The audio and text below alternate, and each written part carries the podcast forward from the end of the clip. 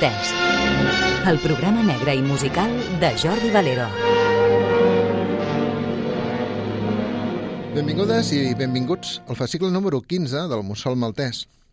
Si en el primer fascicle us explicava que el nom d'aquest programa criminal i musical és un agraït homenatge a la novel·la i la pel·lícula El Falcó Maltès, és just que dediqui una estona a parlar-vos d'aquestes dues obres que han resultat tan transcendentals i que han esdevingut tan influents en els seus respectius mitjans, com són el de la novel·la negra i el del cine negre. Un gènere negre que, des de llavors, associem als barrets Fedora, a les gabardines, a la pluja, a les ombres, al fum del tabac i a la música d'un saxo solitari.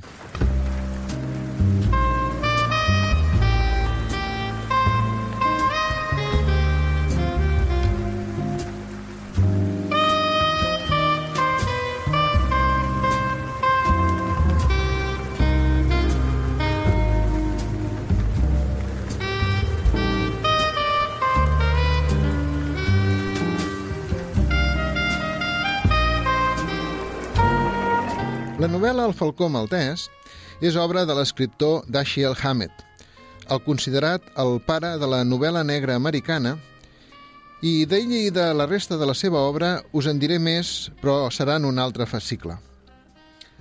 L'obra El falcó maltès es va publicar inicialment en cinc entregues en la revista Pulp Black Mask, entre finals de 1929 i primers de 1930, i aquell mateix any es va editar com a llibre i el 1933, en temps de la Segona República, va arribar a Espanya de la mà de Dédalo Ediciones i Publicaciones, amb l'original títol de El halcón del rei d'Espanya. Posteriorment, seria una de les novel·les damnificades pel règim franquista, igual que mi, que va seguir la versió cinematogràfica. La raó era apologia de la homosexualitat masculina i de la promiscuitat femenina, comportaments aberrants pel model de societat que promulgava el dictador amb l'ajut de l'Església Catòlica. La censura semblava estar encara en mans de la Inquisició. El Falcó Maltès és una novel·la negra avant la lettre, que dirien els francesos. És a dir, avui la coneixem com a novel·la negra perquè l'editorial francesa Gallimard va començar a publicar novel·les de gènere criminal amb unes cobertes de color negre i groc el 1945 dins la col·lecció Sèrie Negra, Sèrie Noir. I d'aquí ve l'etiqueta, novel·la negra, que s'aplica des de llavors a tota novel·la criminal i, per extensió, a totes les publicades abans. De fet, en l'època de la publicació del Falcó Maltès, el gènere criminal que s'escrivia als Estats Units se'l coneixia com hard-boiled, que es pot traduir per dur de pelar. O sigui, un gènere especialment violent i no apte per totes les sensibilitats. El Falcó Maltès es va publicar el 1930 i va suposar una novetat respecte a la resta de publicacions. Quelcom semblant al que va suposar la composició musical My Baby Just Care For Me, en un moment en què només s'escoltava i ballava foxtrot. Dues creacions, la novel·la i la cançó, trencadores en els seus respectius àmbits, i que si avui les coneix tothom, és gràcies a la pel·lícula que va versionar la novel·la i a la versió de la cançó que va fer la Nina Simone.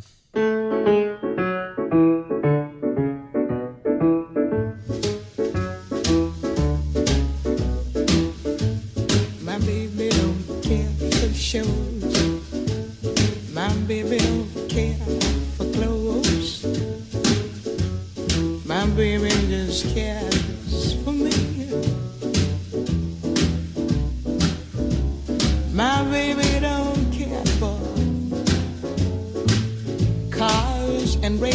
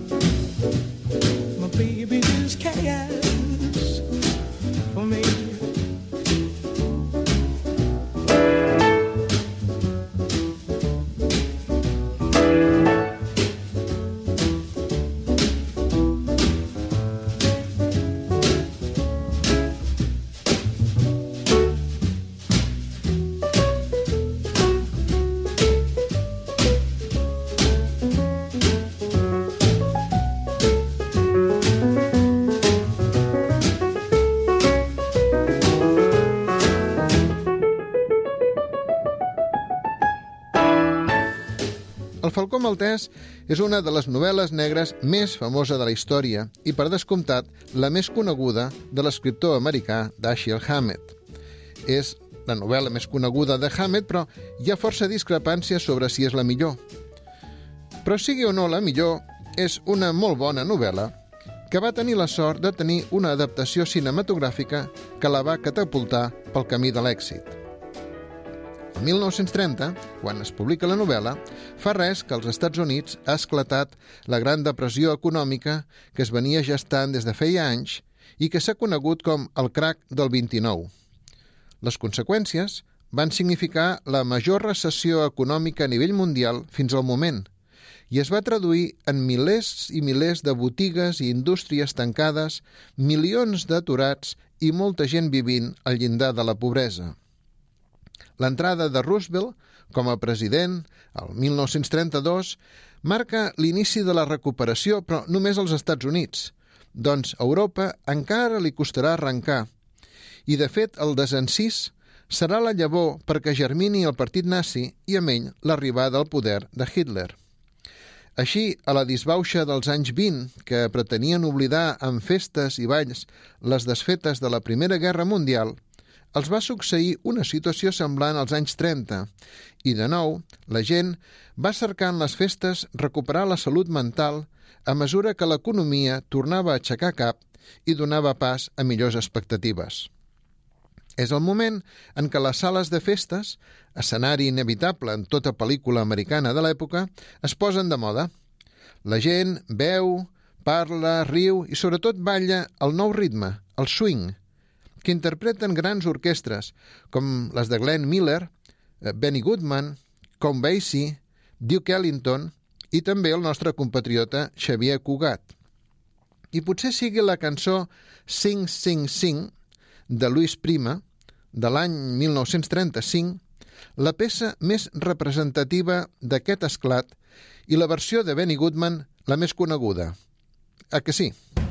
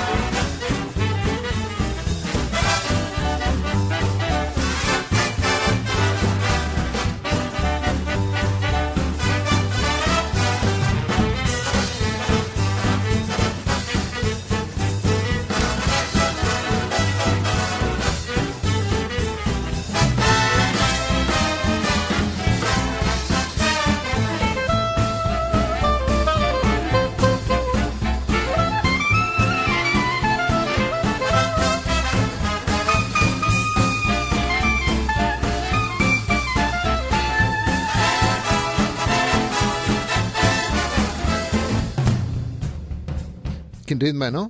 Impossible deixar els peus quiets. Però no tot és festa. A la dècada de 1930 es viu un clima de desconfiança cap a l'administració i els serveis policials que guanyen més amb el sobresou de la corrupció que no pas amb les nòmines. És l'època de la refundació de la màfia a Nova York, dels intocables d'Eliot Ness i de la sentència condemnatòria del Capone a Chicago. És, doncs, un escenari ideal perquè es desenvolupi la novel·la negra americana, la que esdevindrà com a clàssica i que immortalitzarà el cine. L'argument de la novel·la El falcó maltès gira al voltant d'una investigació que l'agència de detectius Spade and Archer de San Francisco realitza per encàrrec d'una clienta, la Bridget O'Shaughnessy, que vol trobar l'home amb el que la seva germana hauria fugit. El cas el duen Miles, un dels socis, però resulta assassinat. I l'altre soci, en Sam Spade, es veu en l'obligació de continuar amb la investigació. A la pràctica, resulta tot plegat una aixecada de camisa. La Bridget, la clienta, els ha entabanat i a qui busca en realitat és a un ex-soci delinqüent i una estatueta que representa un falcó, el falcó maltès. Una estatueta de molt valor històric, ja que és la que els cavallers de Malta, d'aquí ve lo de maltès, van intercanviar per la illa de Malta el rei Carles I d'Espanya. I sembla que també de molt valor monetari, doncs una banda de delinqüents internacionals també ambiciona trobar-la, ja que la llegenda ha anat fent creure que a dins s'amaguen unes valuoses joies. Tot plegat una apassionant història en la que els seus protagonistes diuen més mentides que veritats. Està farcida de diàlegs tensos, assassinats, traïcions, cobdícia i molta, molta passió. La novel·la està relatada en tercera persona, cosa no gaire habitual en l'època, quan era més comú que el detectiu expliqués el cas sempre en primera persona. I en ella es dona vida al detectiu Sam Spade, un malcarat emprenyat amb el món, però també un seductor cínic i tendre quan convé o li interessa. Però igual que no se'n refia de ningú, tampoc s'enamora. Tot i això, que se sent sol i hauria preferit no estar-ho. Mai sabrem si encara no l'ha trobat o si és que la va perdre. La música la va composar mentre estava a França el saxofonista i clarinetista Sidney Bechet i que aviat va esdevenir un estàndard. El títol? Petite Fleur i la interpreta la Sant Andreu Jazz Band i les solistes dues joveníssimes encara, Andrea Motis i Eva Fernández.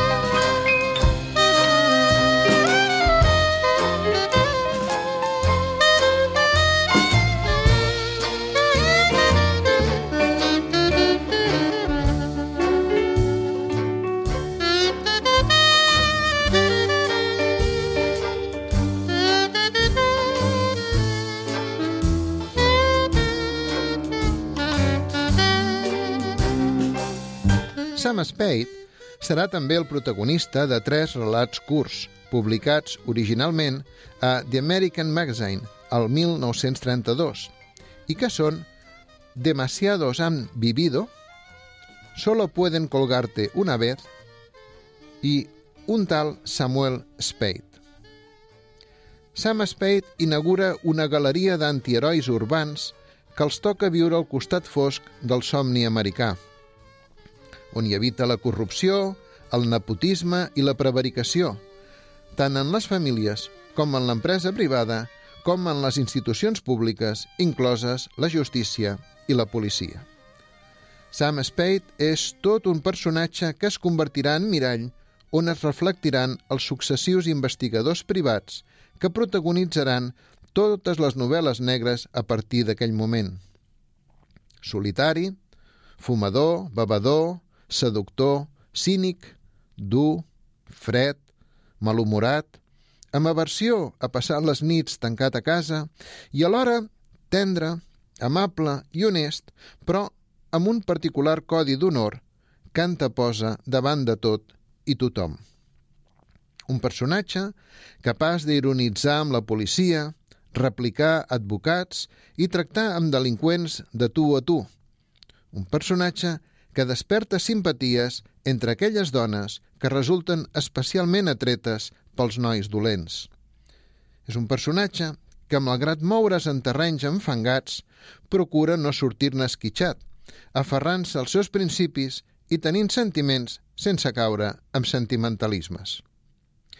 Conviu sol, amb el costat fosc i trist de la societat, amb més ombres que llums, en carrerons solitaris il·luminats per una lluna trista, com la de la lletra de la cançó Blue Moon, interpretada per Elvis Presley.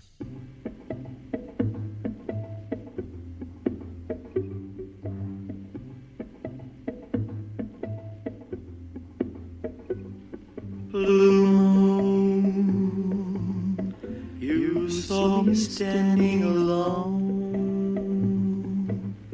without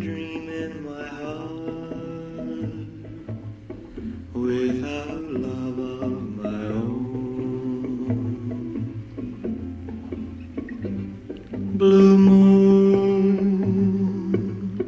you knew just what I was there for.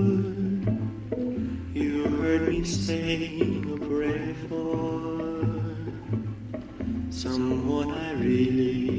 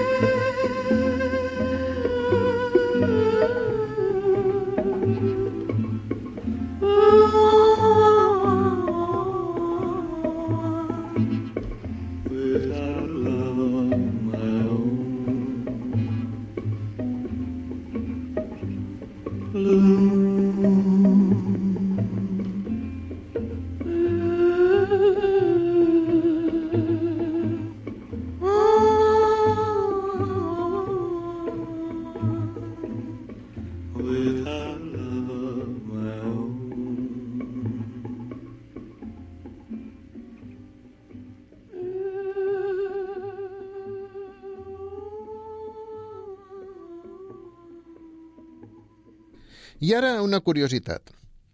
En el capítol sisè de la novel·la, i sense que vingui el cas, en Sam Spade explica a la seva clienta, la Bridget O'Shaughnessy, un cas en el que es va veure implicat fa temps i que anomena la història d'en Flitcraft. En Charles Flitcraft és un home que representa el ciutadà americà mitjà. Està casat, té dos fills petits, un treball rutinari, un cotxe nou i el golf com a afició. Du una vida tranquil·la i avorrida com molts dels seus conciutadans, però un bon dia desapareix com si se l'hagués empassat la terra. Al cap de tres anys, en Sam Spade, a qui havien contractat per localitzar-lo, el troba en una altra ciutat. S'ha canviat de cognom, ara es fa dir Pierce, està casat, té una filla petita, té una feina avorrida i sense pretensions i segueix jugant al golf. En Flitcraft, ara Pierce, explica a Spade que un dia, anant pel carrer, li va caure una viga des de dalt d'unes obres que no el va matar per un pèl i només li va deixar una petita cicatriu a la cara. Aquest ensurt el va trasbalsar fins al punt que entengué que és l'atzar qui verdaderament regeix la nostra vida i que cal viure-la amb intensitat, doncs cada moment pot ser el darrer. I va ser quan va decidir abandonar-ho tot i tothom i marxar per començar de zero. Un començament, però, que no deixa de ser una repetició de la vida anterior i de la que ell era clarament inconscient. La moralitat del conte és que un ciutadà honrat, encara que vulgui rebel·lar-se contra les regles que li imposa el sistema, acaba sent engolit per ell i no pot canviar la seva naturalesa. I que la victòria no consisteix en enfrontar-s'hi i guanyar, sinó simplement en intentar-ho. A ningú se li pot negar la persecució d'un somni. Com el que demanen The Cordets, en la seva famosa versió de Mr. Sandman.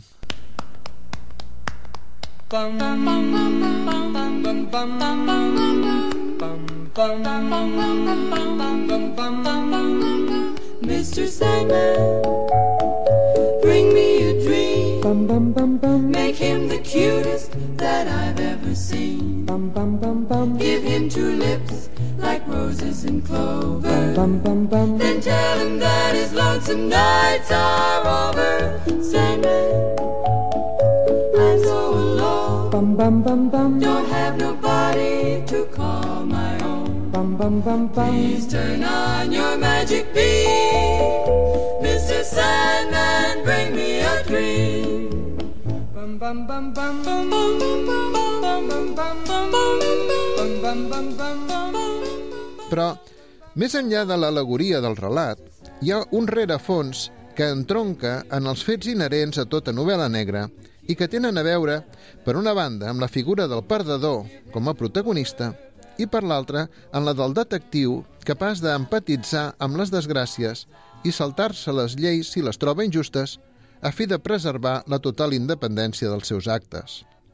La història d'en Fleetcraft, però, no és original d'en Hammett, sinó més aviat una còpia, diguem-ne, una recreació d'un antic relat xinès titulat El bosque persuasivo i que forma part del llibre de relats Trivialidades ejemplares, compilats per Fuan Xu i datats al segle XVII, com aquesta música.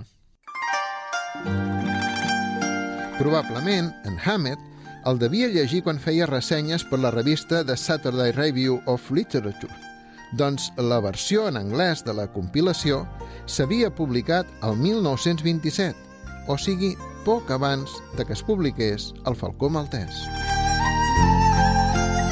L'argument original narra com Tu Shui, un funcionari de carrera, feliç en la seva ordenada vida familiar, amb la feina i en bona relació amb la comunitat, va desaparèixer un bon dia sense que ningú en sabés res. En l'expressió del savi Lao Tzu, va desaparèixer com desapareix el puny a l'obrir-se la mà. Tres anys més tard, una mica el localitza, gràcies a les indicacions d'un viatjant de comerç. El troba en una aldea on ja no es fa dir Tu Shui, sinó Wai Nan.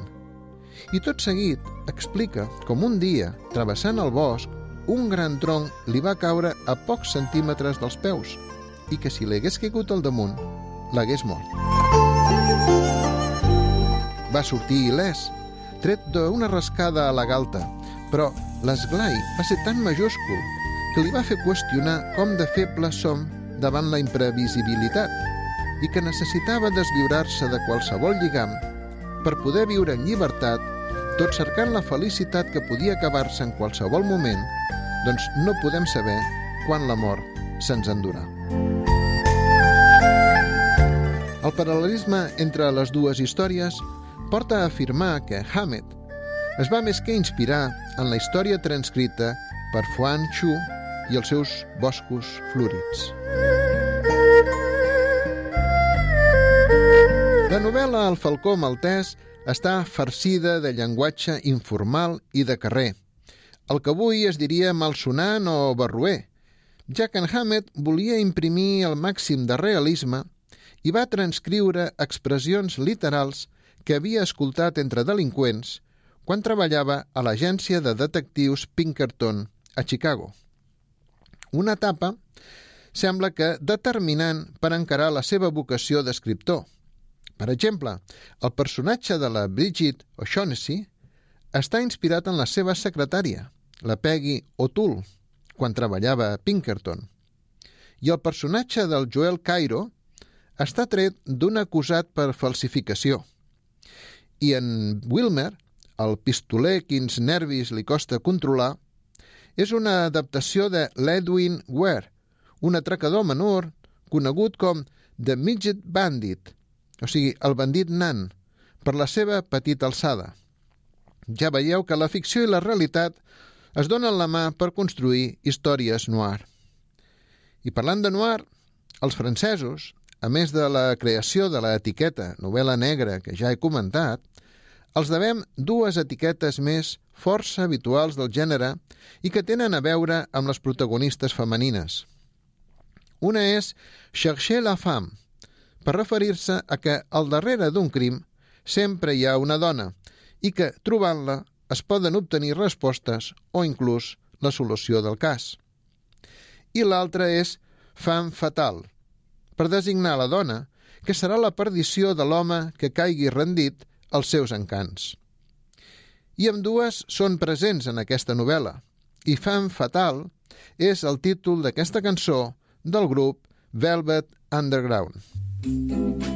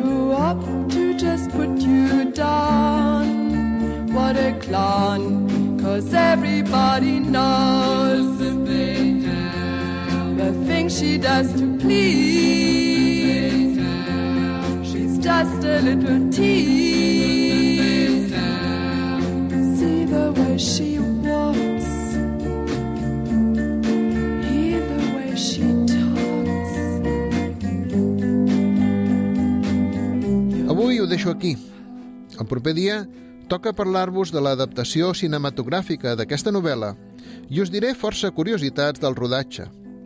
No estaria de més que, mentrestant, la veiéssiu i així la tindreu més present. Gràcies per seguir-me escoltant i gràcies a Beatriz Aguilar per estar a les vies de so. Soc Jordi Valero i això és El Mussol Maltès.